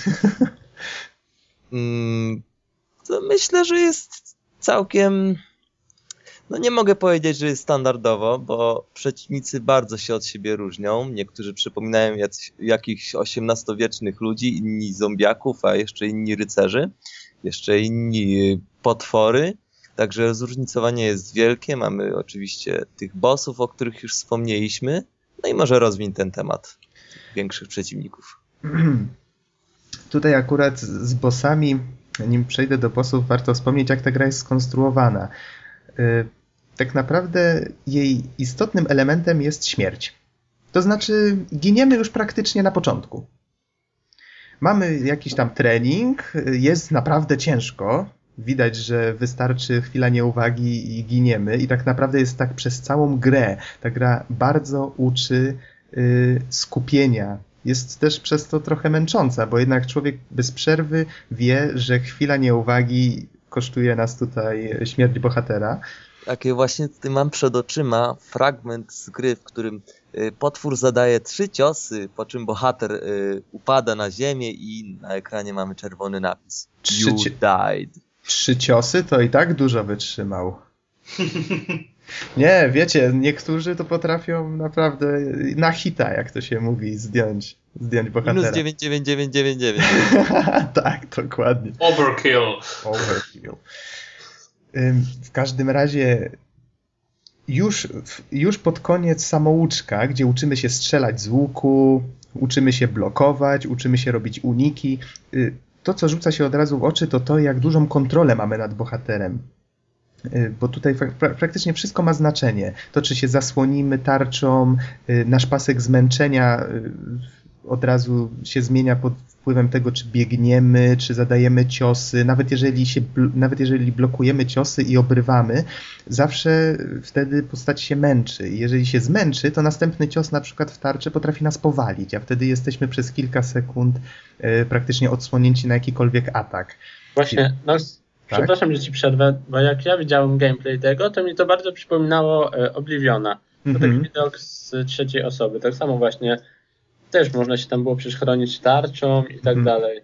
To E, znaczy, i- nie grałem zbyt długo w Obliviona, więc ciężko mi się wypowiedzieć, ale z tego co pamiętam, Oblivion nie był jakoś szczególnie trudny, prawda? Trudny na pewno nie był. Znaczy tam były metody dostosowania stopnia trudności, ale na pewno nie ten typ gry, ale mechanika bardzo mi przypomina Obliviona. Też było zmęczenie, możliwość przewrócenia się, blokowania tarczą. Zmęczenie wpływało tam prawie na wszystko. No to w każdym razie musiałbym dłużej pograć, żeby się wypowiedzieć, ale właśnie w ten sposób to działa i faktycznie dzięki temu, że ma się taki stopień kontroli nad bohaterem, to gracz wie, że jeżeli zginął, to w większości przypadków y, właśnie ze swojej winy. No, chociaż no, są wyjątki też, tutaj bywa frustrująco, ale to dlatego, że jednak gra y, jest nieubłagana. Zaraz jeszcze powiem, bo ważną kwestią jest to, jak ona jest skonstruowana. Y, już na samym końcu samouczka zostajemy zaatakowani przez, no nazwijmy go bossem. Y, bodajże nazywa się Vanguard, taki gigantyczny grubas z jakimś wielkim mieczem czy czymś takim. E, powiedzmy sobie szczerze, y, wątpię, aby ktokolwiek, kto widzi go po raz pierwszy, przeżył to spotkanie dłużej niż kilka sekund. Choć są na YouTubie filmiki pokazujące, że dalej da się przejść, ale to, to, to chyba wiele prób kosztowało te osoby. Ci ludzie nie mają rodziny. zaraz potem, zaraz potem postać ginie i trafiamy do tak zwanego Nexus. To jest lokacja centralna, w której kapłanka y, zajmująca się tym Nexusem y, pozwala się tam schronić jedynym ludziom, który, którzy jeszcze mają swoją własną duszę, nie, która nie została pożarta przez demony. Faktycznie tam są właśnie tacy ucho, uchodźcy, którzy chronią się przed tą mgłą a pozostali, czyli łowcy demonów, podróżują poprzez ten Nexus, mają tam takie teleporty, które się nazywają y, Archstones bodajże, no mo mogę się mylić. Y, w każdym razie one prowadzą w różne terytoria tego Królestwa Boletari i właśnie y, oni próbują jakby zdjąć tą klątwę z tego królestwa. No i my jakby do nich dołączamy. Tutaj pojawia się ważna kwestia. Po pierwsze, każdy świat, do którego się przynosimy, jest ich pięć, na początku tylko jeden. Musimy pokonać w nim jednego bossa i dopiero wtedy y, może mamy dostęp do wszystkich pięciu. Każdy z nich jest liniowy. Każdy z nich jest liniowy i w każdym z nich jest trzech bossów. No, może w jednym jest czterech w tym pierwszym właśnie, bo ten jeden boss początkowy jest liczony jakby taki początek gry, w którym się wprawiamy. I cały gameplay polega na tym, że no oczywiście zdobywając lepsze zbroje, lepsze miecze i tak dalej, musimy zagłębiać się w te etapy, starając się nie zginąć oczywiście, zdobywać dusze za te pokonane potwory i te dusze są jednocześnie walutą i expem. Czyli musimy wybierać, czy chcemy sobie kupować sprzęt, czy na przykład ulepszyć bohatera, co możemy zrobić tylko u tej kapłanki. Ona pozwoli nam zwiększyć, jak to się tam nazywa, poziom swojej duszy. Ale jest też jeden ciekawy motyw z tymi duszami, z tego co mm -hmm. wysłuchałem sobie na tej recenzji, a teraz się będę mądrzył. No, y, mów, mów, tego, bo mi w gardle zaschło. Z tego, co wysłuchałem, jeśli postać zginie, wszystkie dusze, jakie posiada, zostaną przy niej. Więc Myślałem, że powiesz trafią do nieba. Y, więc jedynym sposobem, żeby je odzyskać, to dotrzeć do ciała i je odzyskać. Natomiast y, mamy na to tylko jedną szansę, gdyż jeśli y, w trakcie odzyskiwania ich zginiemy po raz drugi, to wtedy utworzy się jakby drugi punkt śmierci z aktualną ilością dusz, którą mieliśmy za tym drugim razem. Tak, Także tak, dokładnie. To jest jedna z gier, w której cały czas musimy uważać. Tak, dokładnie. Y, dusze, czyli ta nasza i waluta, i exp przepada, jeżeli zginiemy dwa razy. Jeżeli zginiemy, za każda, każda śmierć praktycznie zostawia taką plamę krwi, z której się taki niebieski obłoczek unosi i jeżeli do niego dotrzemy, to jesteśmy w stanie odzyskać to jeszcze. A to ja jeszcze raz przerwę. Tak? Pytanie o stave'y w takim razie, bo to jeżeli łatwo tak stracić duszę, to czy E, można saveować w dowolnym momencie, mamy kilka rodzajów, kilka slotów na save, czy jakby cały czas jedziemy na jednym i jeżeli coś stracimy, przepada nam na amen. To jest bardzo dobra kwestia. Cieszę się, że zadałeś to pytanie, bo ja bym zapomniał o tym powiedzieć. W grze jest automatyczny save, który działa nieubłaganie. Jest kilka slotów, ale one służą przede wszystkim jako kopie. Y, nie można sobie na przykład, znaczy kopie, nie, nie, wiem nawet, czy da się wykorzystać jako kopie. W sumie to działa trochę jak w MMO, ale o tym, do tego jeszcze dojdziemy. Czyli możemy sobie różne postacie założyć i je rozwijać na osobnych tych, chyba nawet nie da się kopiować tych saveów. Działa to tak, że jeżeli coś sknocisz, to to jest już zapisane na amen. Więc ta gra, ta gra faktycznie jest nieubłagana. Tylko jeszcze istotna kwestia. Te etapy są liniowe I jeżeli dotrzemy, w pewne rzeczy się w nich zmieniają. Jeżeli na przykład otworzymy wrota, to one zostaną już na zawsze otwarte. Więc czasami jest to wykorzystywane, żeby skrócić sobie drogę. Ale prawdziwy postęp czujemy dopiero wtedy, jak pokonamy bossa. Bo wtedy pojawia się w miejscu jego śmierci ten Archstone, który pełni rolę teleportu. I dopiero wtedy mamy tak naprawdę widoczny postęp, że tam możemy się przenieść i kontynuować stamtąd podróż. Co jest ciekawe, to to, że świat jakby gry, znaczy jeżeli zginiemy chociażby u bossa, zawsze jesteśmy zmuszeni od początku etapu do niego z powrotem wertować na piechotę. Więc to jest, to, to jest właśnie jedna z tych, jedna, jedna z tych, y, jeden z tych czynników, który sprawia, że ta gra jest tak ciężka. Bo Przypomina wszyscy... mi oldschoolowe produkcje na Pegasusa i tak dalej. Tak, właśnie. tak, dokładnie. Ta gra ma sobie... Hard, ta gra ma sporo w sobie właśnie z takiego oldschoolu. Wszyscy przeciwnicy się odnawiają i tak dalej.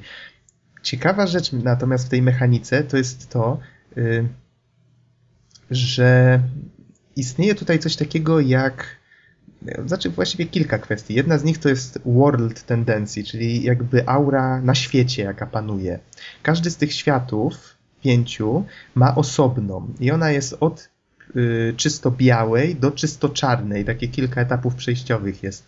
Y, jest kilka czynników, które warunkują to, nie będę mówił dokładnie jakie. W każdym razie są pewne wydarzenia na planszach, które uaktywniają się tylko na przykład przy y, maksymalnie jasnej albo przy maksymalnie ciemnej.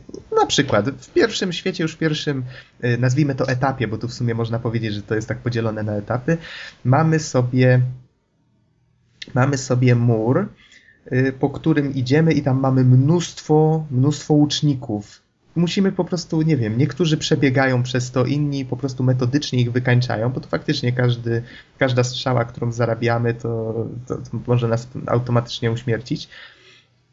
I tymczasem na maksymalnie czarnej, jeszcze do tego, co mnie zdziwiło, przechodząc dopiero grę po raz drugi to zauważyłem, idę, idę, idę, już jestem przygotowany, żeby brnąć dalej przez ten mur, a tu nagle smok przelatuje i ziejąc ogniem wykańcza wszystkich tych y, łuczników. Co prawda oczywiście przy okazji prawie mnie wykończył, ale to szczegół. Ja wiedziałem jedynie, że niedaleko jest legowisko. Y, przy neutralnej aurze w tym legowisku sobie żyją te smoki i faktycznie mają tam mnóstwo jakichś dóbr, tyle że jeżeli się podejdzie z pieśnią na ustach, no to wtedy tamten sobie beknie i nas spali. Na, na, na raz, jakby to powiedzieć. Tymczasem ja, grając po raz pierwszy, trafiłem na y, taki event, mianowicie gra obchodziła rocznicę swojego istnienia i w związku z tym wszystkie, y, wszystkie światy miały przez kilka, chyba przez pół miesiąca białą aurę. I mój kolega mówi, a nie idź tam, tam żyją smoki. A wiecie, nie wiedziałem o co chodzi, podnoszę te przedmioty i od razu, wiecie, chodu. A co się okazało, że tych smoków tam nie ma, jak jest biała aura. I właśnie tego typu eventy tam warunkują, y, warunkują jak ten świat wygląda. Czasami można spotkać NPC-ów, czyli y, postacie niezależne y, kierowane przez komputer. Można spotkać właśnie jakichś, nie wiem, sklepikarzy, czy, y, czy postacie właśnie, które tam mają, znaczy nie ma tu w sumie questów jako takich, więc nie mają dla nas jakichś specjalnych zadań, ale czasami mamy na przykład możliwość uratowania komuś życia albo, albo coś w tym rodzaju, za co możemy dostać jakiś przedmiot, na przykład niezwykły. Co ciekawe, nie ma tutaj czegoś takiego jak armia klonów każda postać praktycznie, jaką spotykamy w grze, jest unikatowa. Ma swoje, ma swoje jakieś tam imię czy nazwę, ma jakieś znaczenie, faktycznie po coś jest w tej grze i trafia zazwyczaj do tego Nexusa. Czasami widzimy, że że to, co robimy, faktycznie ma jakiś wpływ na to, że na przykład uwolnimy kogoś, on się pojawia w tym Nexusie, tam ma czasami można z nim porozmawiać, czegoś się dowiedzieć od niego. W ten sposób właśnie buduje się tam fabuła. Nie, nie jesteśmy raczeni tam jakimś jakimiś nie wiadomo jakimi dialogami i tak dalej. Często wiele rzeczy musimy wnioskować z, z obserwacji. To jest bardzo ciekawe w tej grze. Czyli na przykład mamy w Nexusie jednego kowala i on nam mówi, że a, żyje sobie tam gdzieś e, inny kowal tam w jednym z tych światów. No i faktycznie znalazłem tego kowala, patrzę, on przecież wygląda identycznie jak tamten, tylko tam trochę się różni, tam może włosy, nie ma, nie ma siwych włosów jeszcze. No i wracam do tamtego kowala, on tam zaczął coś tam mówić, że a, tak z sentymentem zaczął mówić o tamtym i tak się domyśliłem, że faktycznie to może są bracia czy coś takiego gra nie, nie, nie mówi nam takich smaczków wprost, ale to, to, ciekawie buduje klimat. I tam oczywiście są też poważniejsze smaczki związane z jakby z głównym tym wątkiem tego króla i, i tego, co to, czym właściwie jestem, jest ten Old One. No i ten świat właściwie jak funkcjonuje. Tam niewiele gra mówi nam sama, sama z siebie. Więcej musimy mam, zaobserwować. Mam takie kolejne pytanie, mhm. w sensie czy to jest RPG w stylu e, trzeba czytać fabułę, czy można go przejść w ogóle komentarze przeskakując? E, bo w dzisiejszych czasach dużo jest zarobionych takich RPGów, które wystarczy dosłownie przeklikać i później mm -hmm. ich mhm. po prostu siekać. Można zupełnie pominąć warstwę fabularną, bo nie musimy czytać komentarzy w żaden sposób, jakby one nam nie pomogą w kwestii, bo mamy i tak zaznaczone na mapce, um, co wykonać jak mówiłem, gra jest nieubłagana, ale to wcale nie znaczy, że ona ma dużo dialogów. Dialogów jest w niej bardzo malutko i one zazwyczaj są krótkie, ale treść, znaczy treściwe, ale, ale sensowne. Znaczy ciężko je nazwać. zupełnie. No, no faktycznie, trochę tak. Bo ciężko je w ogóle nazwać dialogami, od tego zacznijmy. To polega na tym, że rozmawiamy z postaciami, one prowadzą jakiś krótki monolog, coś nam tłumaczą i co jest ciekawe, możemy w tym momencie odejść od nich. Możemy przewinąć ten dialog, żeby szybciej się potoczył. No, przepraszam. Ale, ale możemy odejść i zazwyczaj, jeżeli się oddalimy zbytnio, to bo możemy się poruszać w trakcie rozmowy, to one krzyczą, ej, gdzie idziesz, coś tam, coś tam. Jak podejdziemy znowu, to mówi, no nie odchodź tak znowu, bo się obrażę. To takie tam ciekawe te ale dialogów jest tu bardzo, bardzo mało i zazwyczaj, jeżeli już kogoś spotkamy, to jest to wydarzenie na tyle niezwykłe, że wątpię, żeby ktokolwiek to przewijał, bo to jednak jest tutaj w tej grze dość istotne. Nox, pozostaje jeszcze jedna sprawa. Tak. Ja tak tutaj troszeczkę oglądając o tej grze i pomijając fragmenty, w których bohater sieka przeciwników i leje się krew, zobaczyłem y, jedną rzecz, aczkolwiek, y, bo tutaj są jakby, y, są jakby dwie formy postaci, postać duszy i postać cielesna. Tak, to się bezpośrednio wiąże z trybem multi. Jak wspomniałem o tym trybie, o tym evencie, to zdziwiłem się, że nikt z Was nie zapytał. Y, kiedy rozpoczyna się grę, łączymy się z serwerem. Ta gra teoretycznie jest single player, ale ona jednocześnie jest czymś w rodzaju MMO. Mianowicie World Tendency Y, w całości zależy, to, to, nie jest średnia, nie wiem nawet czy mediana, to jakoś tam jest liczone i w zależności od tego, jak gracze sobie radzą, taka tendencja w, na, w danym świecie panuje na serwerze i wszyscy taką mają. Czyli jest to w pewnym sensie takie działanie grupowe. Jest parę, trochę więcej jeszcze tych możliwości. Tak jak wspomniałeś, postać naszego bohatera ma y, początkowo jesteśmy oczywiście w własnym ciele i tak dalej. Jak trafiamy do Nexusa y, po śmierci, jesteśmy już y, jako dusza. Mamy wtedy mniej energii, ale zadajemy z kolei większe obrażenia. Jest kilka sposobów na to, żeby się wskrzesić, czyli odzyskać jakby swoją postać cielesną i większą ilość y, energii, znaczy mm, HP. Możemy użyć albo kamienia, takiego specjalnego, który można znaleźć w niektórych miejscach, albo chyba można go gdzieś kupić, ale to chyba tylko jeden, więc to jest dość rzadki przedmiot. Ale są też inne, inny na to jest sposób. Można mianowicie w pewnym momencie gry pomóc innym graczom. Bo ważna jest, ważny jest tutaj taki feature, mianowicie można sobie w dowolnym miejscu postawić napis co prawda tak. nie można go napisać samemu, y, trzeba go ułożyć z szablonu, czyli na przykład nie możesz napisać spoilera żadnego, że gra kończy się tak i tak, tylko że na przykład wybierasz sobie y, za rogiem znajdziesz i tutaj musisz w gwiazdki wstawić i jakieś słowo, na przykład y, nie wiem, potwora albo coś tam, albo pułapkę, albo prawdziwą miłość, no cokolwiek, są różne I możliwości. Jest to bardzo ciekawa opcja, dlatego że taka podpowiedź wyświetla się na podłodze jako świecący się napis. Tak. I co ciekawe, zwłaszcza, że gra jest bardzo wyzwalająca wyzywająca i stanowi wielką trudność, to taka podpowiedź może pomóc, ale co jest jeszcze lepsze, że gracze mogą oceniać y, te podpowiedzi, dzięki czemu wzrasta jej wiarygodność. Y, tak, dokładnie. Ja pamiętam jak dziś, że w pierwszym etapie znalazłem właśnie podpowiedź mówiącą, y, że, że pułapka jest za schodami, na schodach czy coś takiego i faktycznie ktoś tam stoczył jakąś taką kamienną kulę, która by mnie zabiła na raz, a ja byłem bardziej uważny dzięki tej podpowiedzi. Wciskam wtedy select, y, klikam recommend message i w ten sposób tym więcej ma takich rekomendacji taka, taka informacja, tym więcej graczy będzie w stanie ją ujrzeć.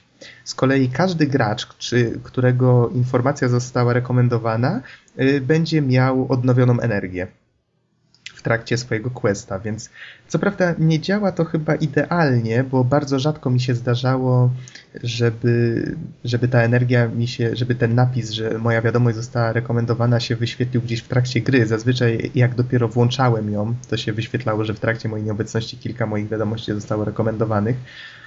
No ale taki feature istnieje i jest to fajna opcja.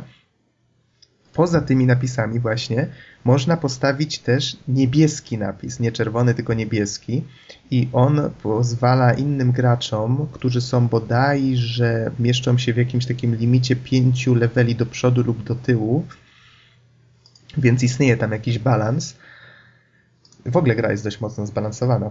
Mm, oni mogą wtedy wynająć nas, żebyśmy, oni przenoszą jakby, musimy być koniecznie w formie duszy. Oni przenoszą naszą duszę, a oni muszą być w formie ciała.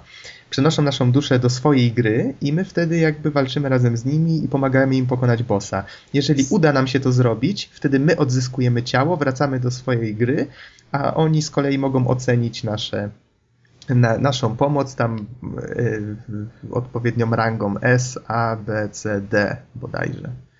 Z tego co pamiętam, to taka drużyna mogła liczyć co najwyżej 5 osób i jeszcze jedna y, ważna kwestia, nie można rozmawiać tekstowo podczas takiej rozgrywki. Tak, nie można rozmawiać w żaden sposób są tylko y, gesty. Co prawda nie wiem jaka jest maksymalna ilość osób. Ja się nigdy nie spotkałem, żeby komuś towarzyszyły więcej niż dwie. Kiedyś mi się zdarzyło dołączyć do akcji, w której y, jeszcze jeden był, y, jak to się nazywa, White Phantom bodajże, ale mogę się mylić. Black, bo są w grze są Black Phantomy i są bodajże Blue Phantomy, chyba Blue.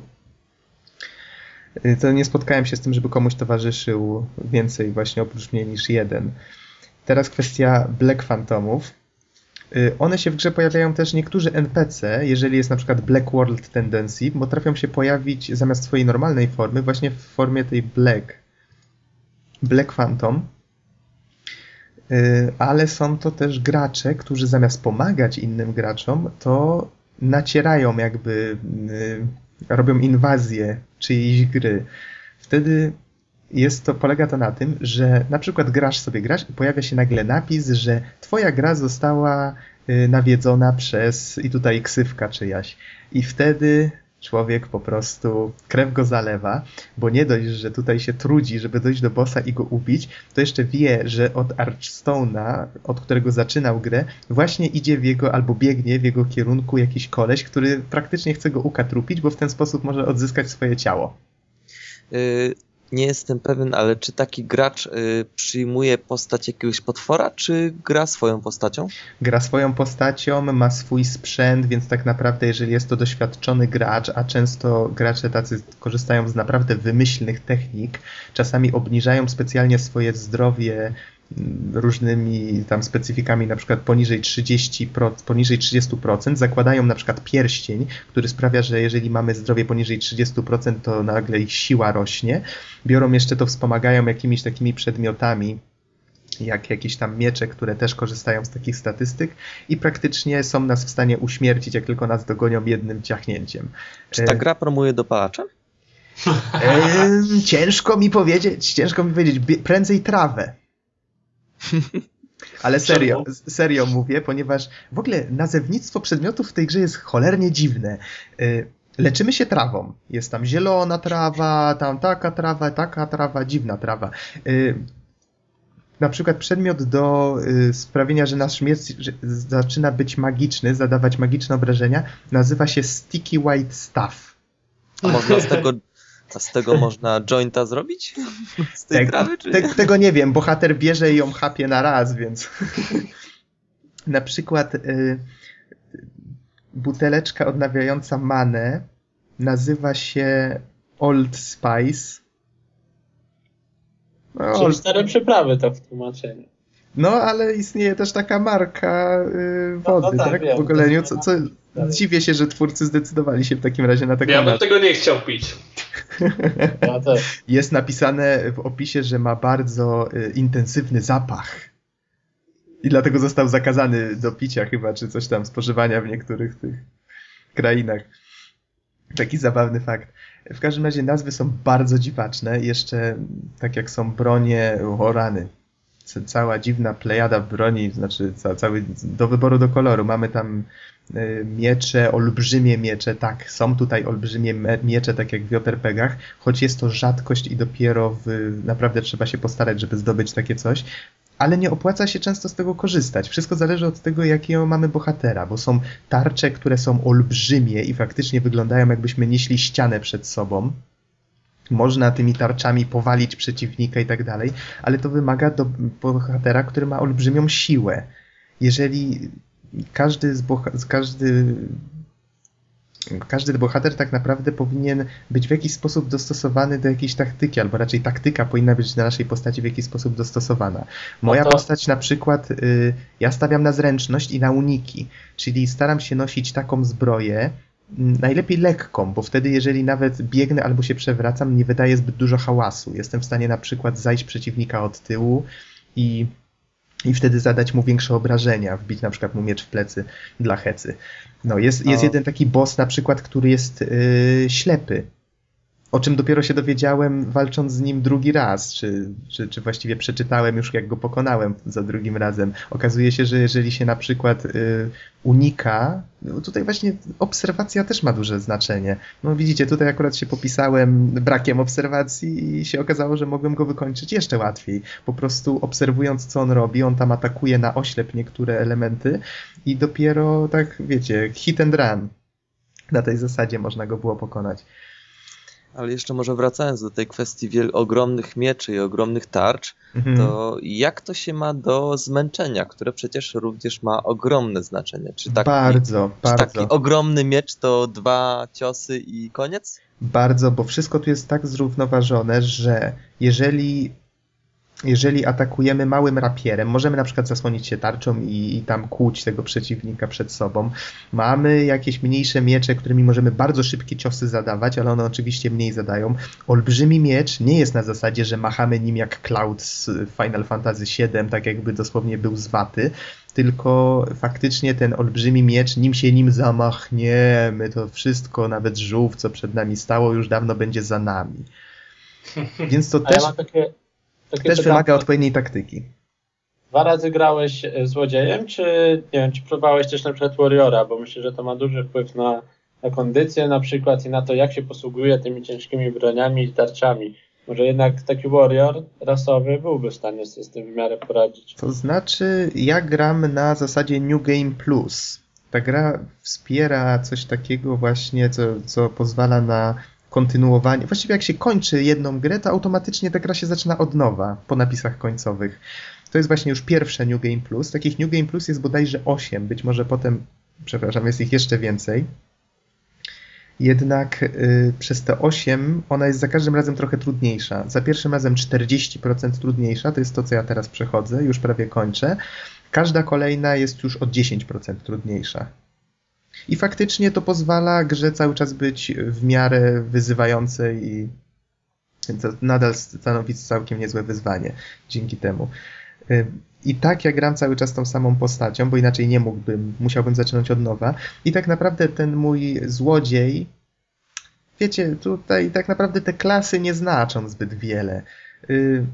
Ten lak, który miałem na początku, przydał mi się o tyle, że bardzo dużo dropów miałem. Czyli dużo przedmiotów dostawałem. Warto tutaj wiedzieć, że na przykład w, War, w White World Tendency, tej białej y, tej białej aurze przeciwnicy wypuszczają bardzo dużo medykamentów, a na przykład w czarnej wypuszczają dużo, y, wypuszczają sporo matsów służących do ulepszania broni u Kowala i tak dalej, i tak dalej. Tutaj sporo tych informacji tak naprawdę nie znajduje się w grze. Często musimy je znaleźć y, obserwując. To właśnie też jest takie, takie dość ciekawe podejście, że jednak ta gra nas zmusza trochę do Myślenia. tak, do myślenia. To też jest dość rzadkie w dzisiejszych czasach. Albo przeszukiwania forów.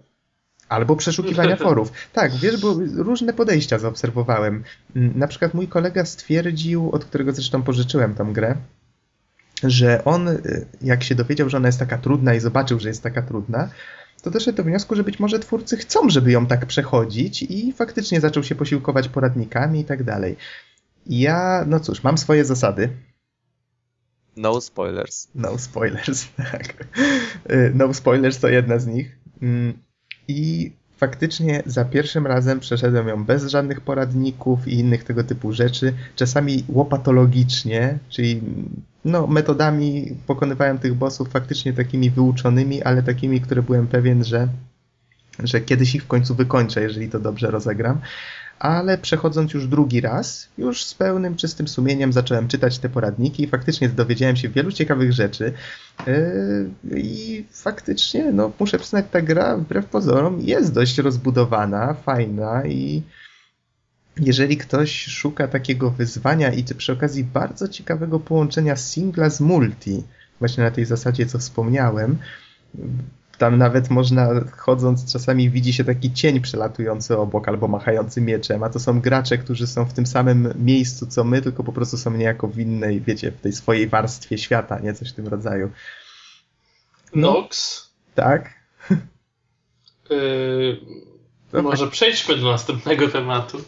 Myślę, myślę, że na tym już skończymy, ale ta, No tak. to może słowem podsumowania wedle serwisu IGN.com zaletami gry są świetna atmos- atmo- atmosfera, epiccy bossowie i sam fakt, że gra jest bardzo wyzywająca, natomiast tutaj ogromny minus you will die lots. Ogólna ocena to 9,4, czyli całkiem dobrze. Jeśli ktoś ma możliwość ściągnięcia, y, nie ściągnięcia, przepraszam, kupienia gry, y, proszę bardzo, polecamy, polecamy, to się wytnie. Tak, zwłaszcza, że gra jest na PS3, więc. No, A, warto tutaj wspomnieć. Nox nie. Na PC nie ma wersji. Tak, jeszcze, jeszcze wspomnę, ale tylko jedno zdanie. Twórcy zapowiedzieli kontynuację, będzie się nazywała Dark Souls. Zmiana nazwy i mówienie, że to jest tylko duchowy następca są spowodowane tym, że yy, tym razem no, niejako zdradzili Sony i gra wyjdzie też na Xboxa. I po prostu prawdopodobnie Sony miało prawa do marki. Tak naprawdę to będzie kontynuacja, to będzie ta sama gra, tylko że oni mówią, że to jest duchowy następca, a nie sequel.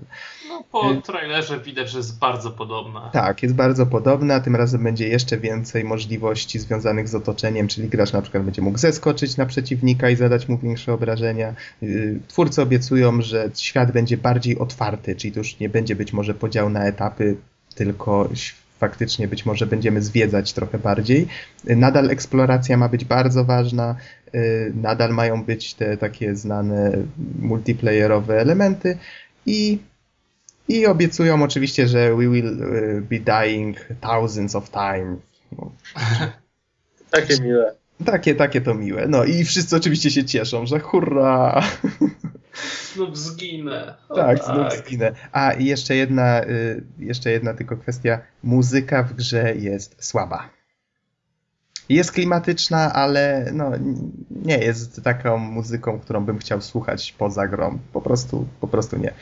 I gra bardzo rzadko. Bardzo, bardzo. Zazwyczaj w trakcie gameplayu nie słyszymy nic poza dźwiękami otoczenia, czyli tego, co może nas zabić za chwilę. A może to No, lepiej. s- takie jedno pytanie do ciebie.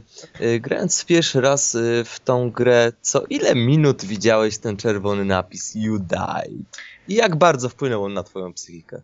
Z każdą godziną coraz rzadziej. to też jest gra, która faktycznie y, uczy nas pokory do każdego kroku i faktycznie tym dalej grałem, tym bardziej ostrożnie stąpałem.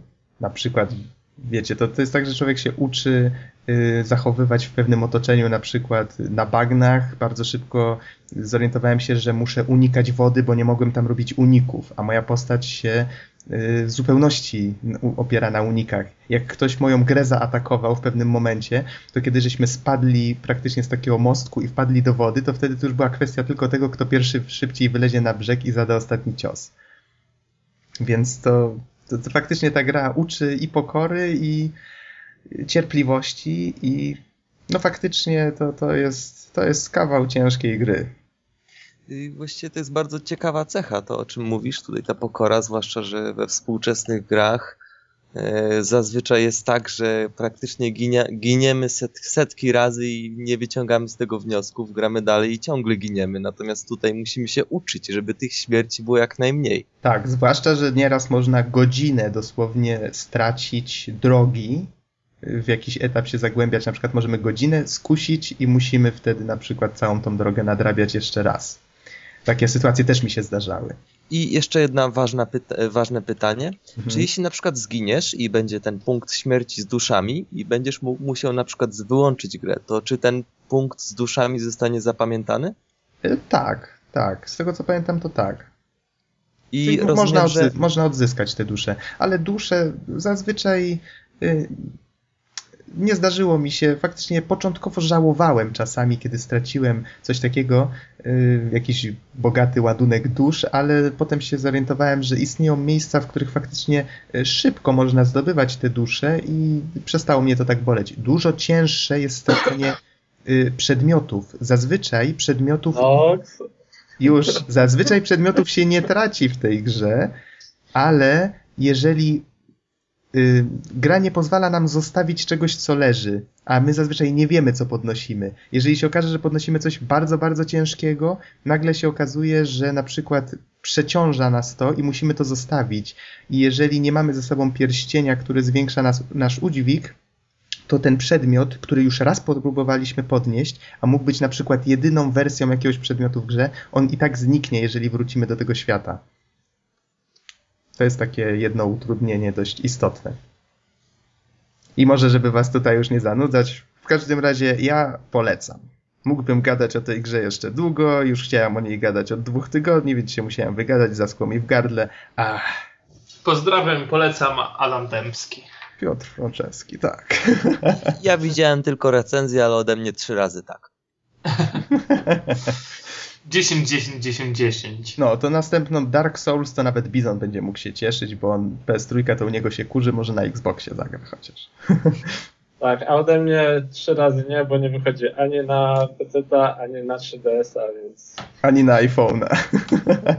Nie, nie, Dobra, panowie, a wy w coś graliście w tym tygodniu? Ciekawego? Oj, Ja grałem tylko w Napoleona. Wow, co to jest za cudo? Bizonie, Napoleon Bizonie, przepraszam, że wam przerwę, ale to może już o Napoleonie powiemy następnym razem. Tak, jestem za. Ja bardzo chętnie się z wami podzielę swoimi wrażeniami. No dobrze, dobrze. To proszę, mów. No ale w następnym tygodniu. Tak? Następnym Aha, aha, dobrze. Aha, dobrze. to taki tak, Źle cię zrozumiałem. Taka zapowiedź była. Zapowiedź, zapowiedź. Yy, No okej, bo ja też mam masę tytułów do obgadania. Tutaj Nox trochę zmarnował nasz cały czas. O, nie Ale mów czekajcie, tak. czekajcie. Słuchaczu, obudź się. Już po wszystkim. Nox już skończył. Życzymy ci miłej nocy. Dobrze, widzę, że I zapraszam na następny, normalny odcinek. doskonale, bardzo mi się podoba to zakończenie. Jest cudne, dziękuję wam. No to myślę, że tym pozytywnym akcentem możemy już powoli zakończyć yy, No, ten podcast. tylko, że no, więcej nie będzie chciał opowiadać o grach, które. Dobrze. Dziękuję. Także bardzo dziękuję. E, Jeżeli ktoś dotrzymał do końca, no to życzę mu miłej nocy. Dobranoc. Tak, Do trzymajcie się. usłyszenia. I do następnego podcastu. Ej.